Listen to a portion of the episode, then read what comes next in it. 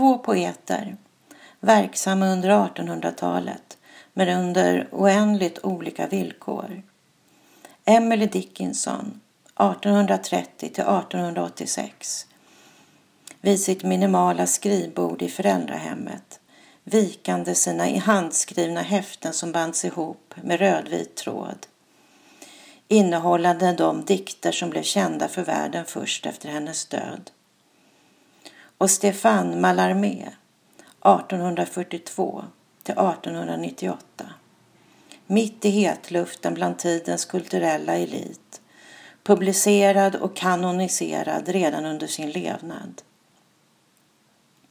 Gemensamt för dem är att de är portalfigurer för den moderna poesin och att de anses särskilt svåra att översätta, ja, stört omöjliga att tvinga in i ett annat språks dräkt.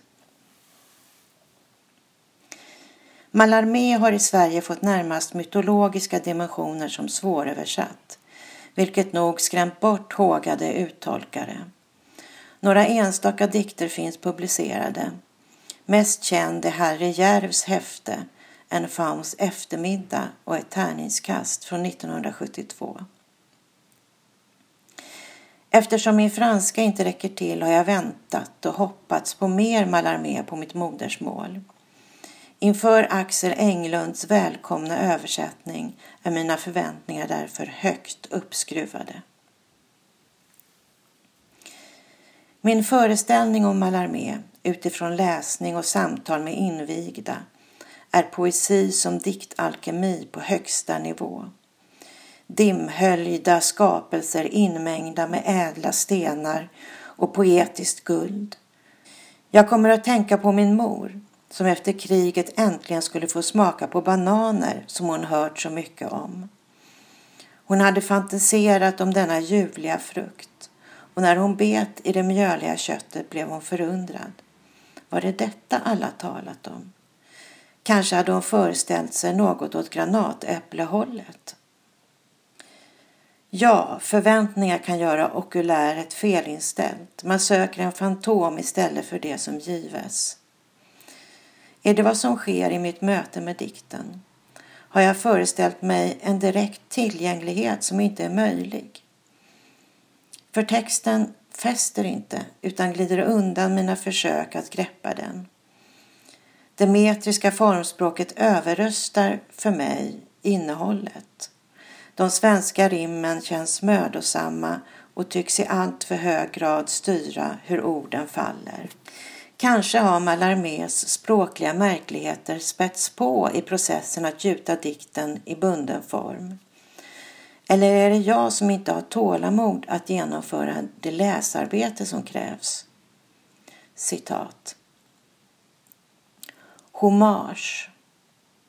Hos var Aurora fast hon fann sig stelfrusen och näven knöt mörkt mot klareters asurstöt som denna döva blåser an. Ska heden hårt med staven smälla som kalebassen hänger på mot stigaren han en gång ska gå tills källan ymnigt börjar kvälla. Så lever du det som ska bli en solitär men o puvi de aldrig ensam om att låta tiden dricka nära den nymf förutan svepning som har blottats för den av din ära. Slutcitat. Frågor som inställer sig. Hos vem var Aurora? Fast, trots att. Hon fann sig stelfrusen. Vem är denna döva som blåser i trumpeterna? Och den nakna nymfen som blottats för den? Är det tiden som åsyftas? Vad kan det i så fall innebära att hon blivit blottad för tiden av någons ära? Längst bak i boken finns kommentarer som kanske kan hjälpa. Man får veta att dikten är en hyllning till konstnären Puvis de Chavannes. Englund skriver Med inspiration från de Chavannes målningar frammanar sonetten en allegorisk bild. Varje morgon, även om den är kylig och mörk, har sin egen herde vars stav stå, slår längs den framtida vägen så att, som när Moses slog mot klippan, en källa bryter fram. Därför är inte de ensam när han genom sin konst finner en källa personifierad av en nymf och leder tiden dit för att dricka. Slutcitat. Kommentaren öppnar i viss mån dikten och som läsare är man tacksam för att Englund kommenterat varje dikt. Men de språkliga undligheterna får inte sin förklaring. Är de Mallarmés eller översättarens? Poeten är ju känd för att lossa de syntaktiska fogningarna. Men sker det med samma ord som i originalet? Eller är det andra fördunklingar som uppstår ur nödvändigheten att omstöpa dikten? I efterordet förklarar Englund att han valt rimmad, stavelseräknande vers för att visa hur de semantiska och syntaktiska märkligheterna framträder mot en fond av ett välbekant metrisk formspråk. Han har inte velat göra Mallarmé mer modernistisk än vad han är genom exempelvis en poetisk prosaöversättning som kunnat lägga sig närmare originalets innebörder. Englund har alltså tvingats överge en del av originalets innebörder för att få in dikten i formen. Och visst är även formen betydelsebärande i poesi.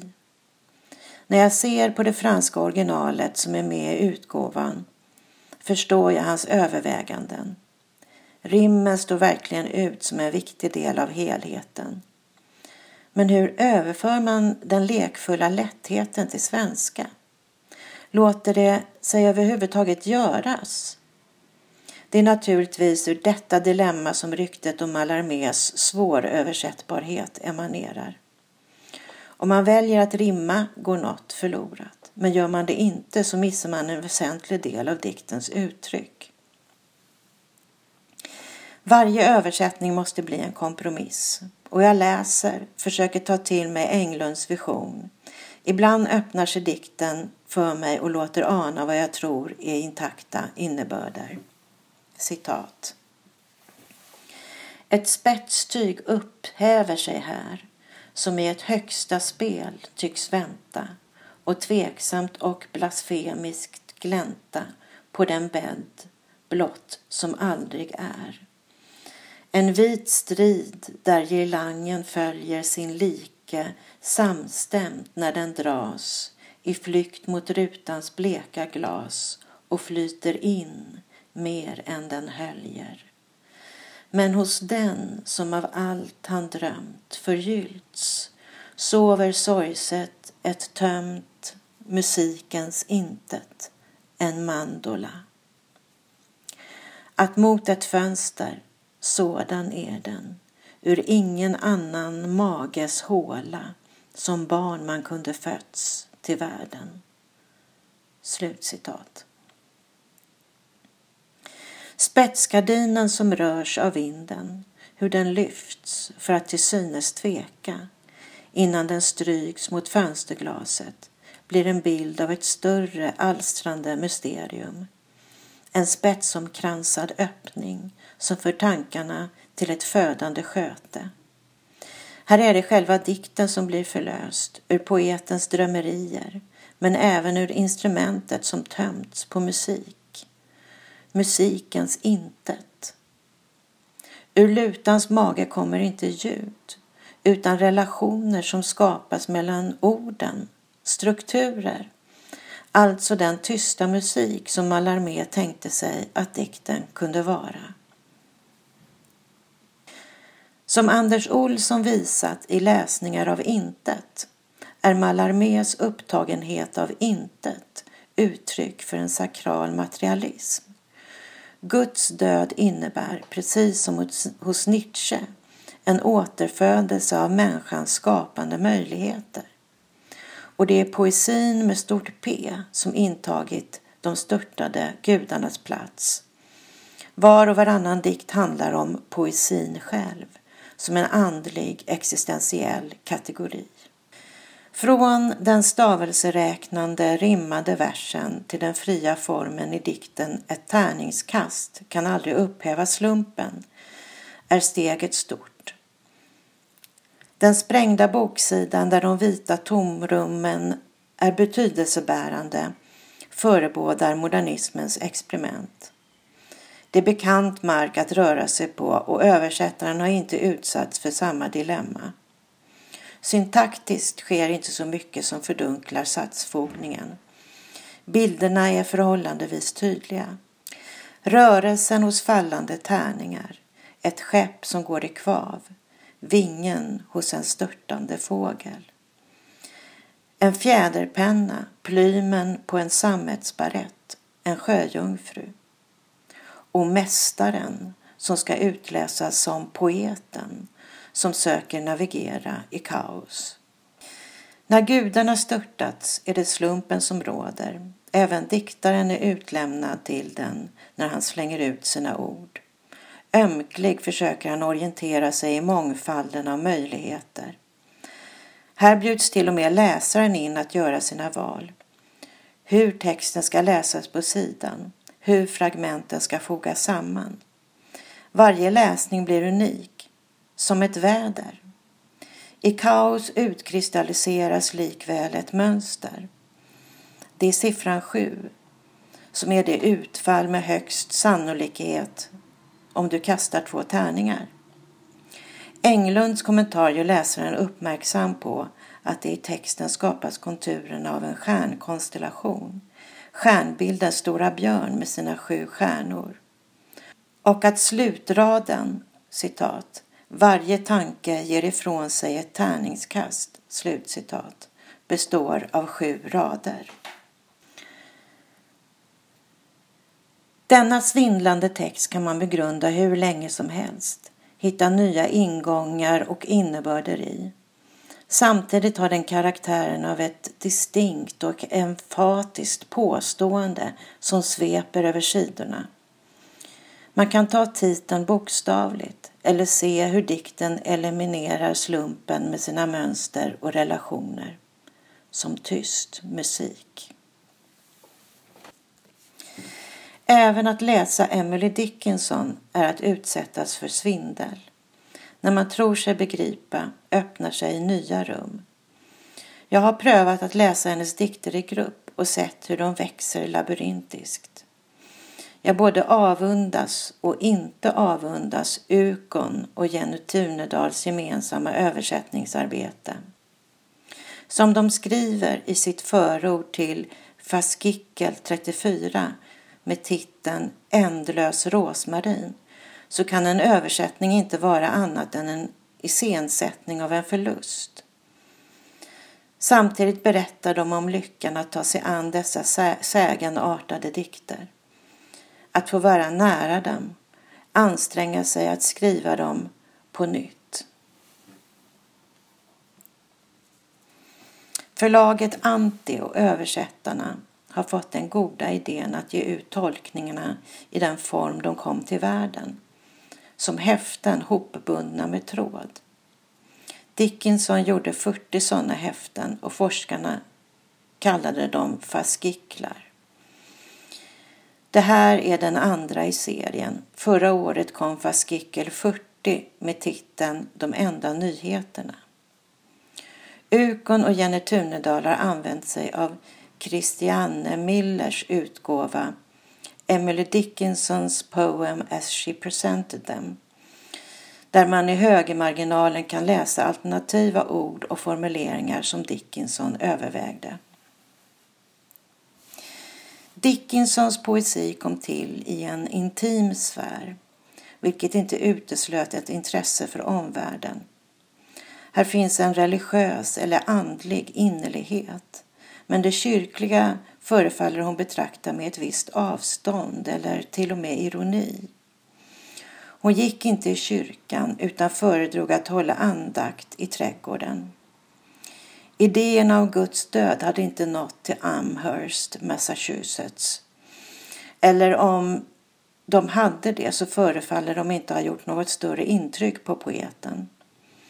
Hennes närmast panteistiska närvarokänsla tycks bottna i en trygghet i världen, vilket inte exkluderar känslor av sorg och till och med intighet.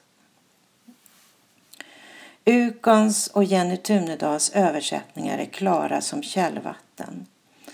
De vare sig räknar stavelser eller rimmar utan koncentrerar sig på det innehållsliga. Det förtar förstås något av lekfullheten men det ger en tankeskärpa som stämmer väl.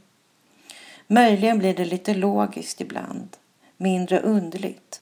Som i den här dikten där andra raden lyder Enabled of the eye och tredje raden Accessible to the thill of bee.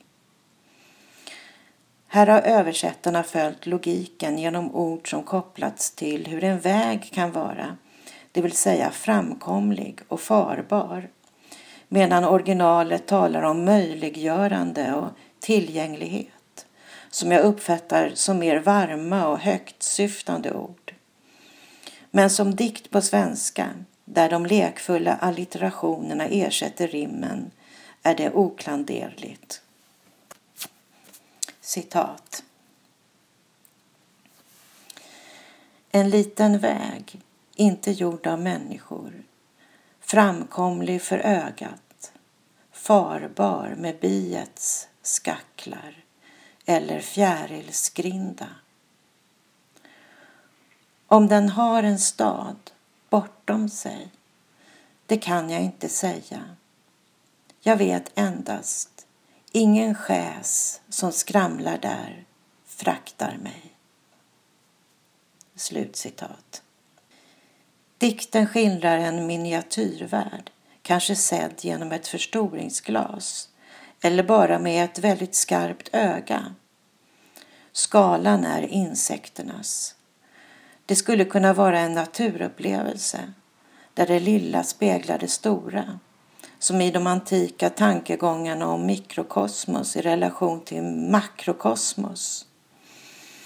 Måhända finns här en stad vid vägens ände.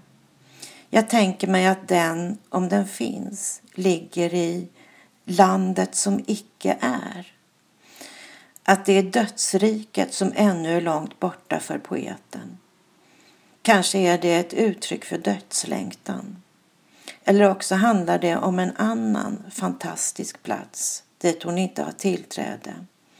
En sagovärld lik den i Alice i Underlandet där storleksskalan är förskjuten.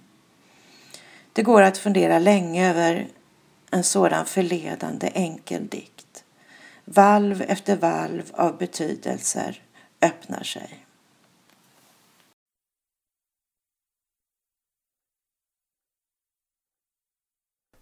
Den här recensionen är originalpublicerad på www.ornenochkrakan.se under ansvarigt utgivarskap.